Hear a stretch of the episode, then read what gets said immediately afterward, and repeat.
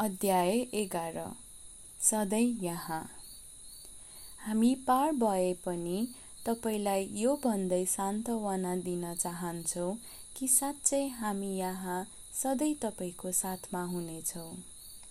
हामीले जीवनलाई निरन्तरताको रूपमा अनुभव गर्छौँ।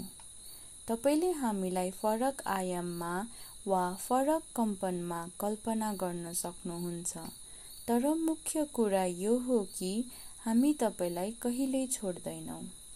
हामी केवल हाम्रो आवृत्ति परिवर्तन गर्छौँ।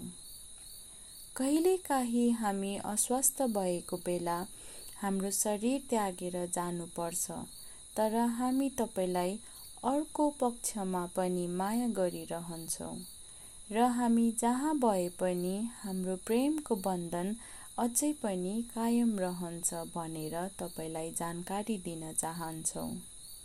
जब हामी भन्छौँ हामी सधैँ यहाँ छौँ तपाईँले हामीलाई विश्वास गर्न आवश्यक छ। मानिस जस्तै हामी जनावरहरू पनि इन्द्रेणी पुल पार गर्छौँ। हामी जीवनलाई निरन्तरताको रूपमा अनुभव गर्छौँ। त्यसैले हामी तपाईँ जस्तो ठुलो परिवर्तन महसुस गर्दैनौँ। हामी पार गरिसकेपछि हामीसँग कुरा गर्नको लागि हामी तपाईँलाई स्वागत गर्दछौँ।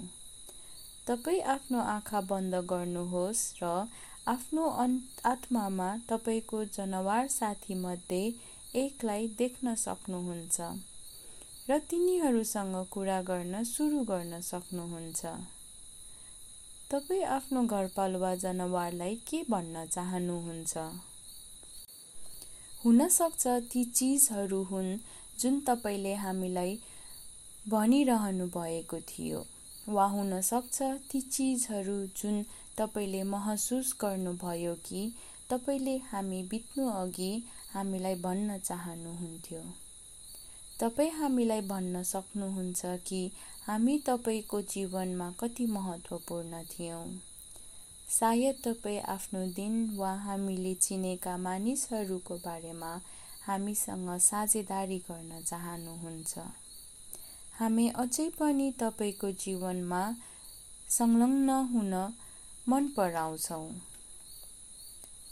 जब तपाईँ तयार हुनुहुन्छ आफ्नो घरपालुवा जनावरलाई नमस्कार भन्न सक्नुहुन्छ र तपाईँको दिमागको आँखामा देख्न सक्नुहुन्छ वा केवल महसुस गर्नुहोस् कि तिनीहरू तपाईँसँग उपस्थित छन् भनेर।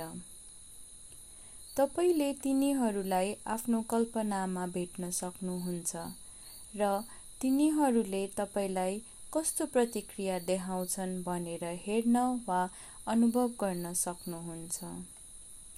अब तपाईँले के भन्न चाहनु भएको थियो भन्न सुरु गर्न सक्नुहुन्छ? तपाईँले आफ्नो पाल्तु जनावरहरूलाई यी कुराहरू भनिरहँदा तिनीहरूले कस्तो प्रतिक्रिया देखाउँछन् विचार गर्न सक्नुहुन्छ। के तपाईँले याद गर्नुभयो कि तिनीहरूले तपाईँको शब्दहरू कसरी लिइरहेका छन्? के तपाईँले उनीहरूको प्रतिक्रिया याद गर्नुभयो? के तपाईँले तिनीहरूलाई मुस्कान आवाज इसारा गति देख्नुभयो। के तिनीहरूले तपाईँसँग टेलिप्याथिक रूपमा कुरा गर्न थाले? तपाईँले जे सूचना र अनुभव प्राप्त गर्नुभयो त्यसका केही नोटहरू यहाँ लिन सक्नुहुनेछ।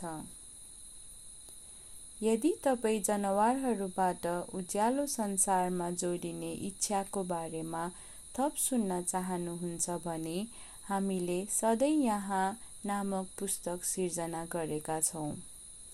यो एक कार्य पुस्तिका हो जसमा ध्यान र अभ्यासहरू छन् जुन तपाईँका घरपालुवा जनावरहरू पार भइसकेपछि तिनीहरूसँग सम्पर्कमा रहन सहयोग गर्छ। साथै यो घरपालुवा जनावरहरूले पनि लेखेका पुस्तक हो।